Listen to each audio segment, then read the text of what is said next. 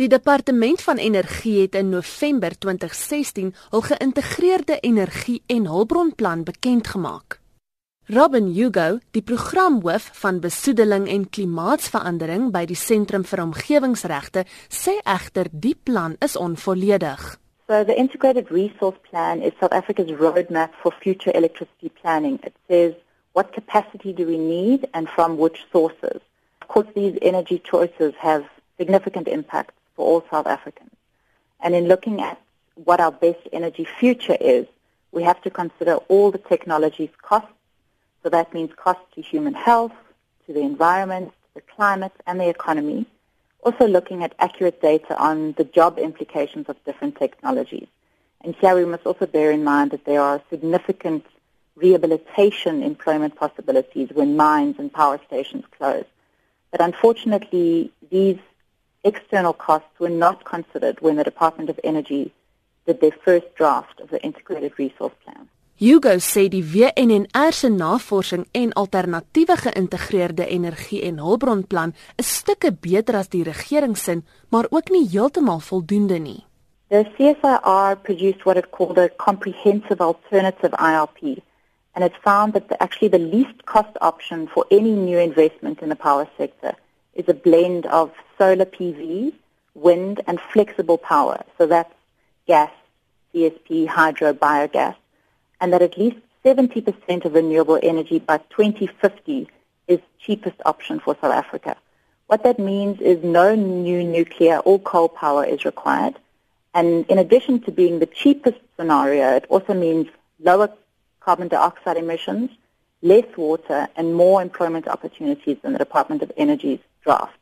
Hugo sê hoewel die koste 'n belangrike faktor is om in ag te neem, is die impak van steenkoolbedrywighede op Suid-Afrikaners se gesondheid en die omgewing baie belangriker. A 2017 report found that South African coal-fired power plants create a substantial burden on human health, leading to premature death and increased illness, with the worst health impacts affecting the most disadvantaged members of society who of course are also the people who least likely to be able to move elsewhere to escape those impacts.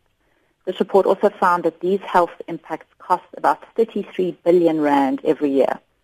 This is building on from a 2014 report that found that Eskom's coal-fired power stations were at that time causing about 2,200 premature deaths every year, which includes about 200 deaths of young children. Sy sê die omgewing word ook negatief deur steenkoolbedrywighede geraak.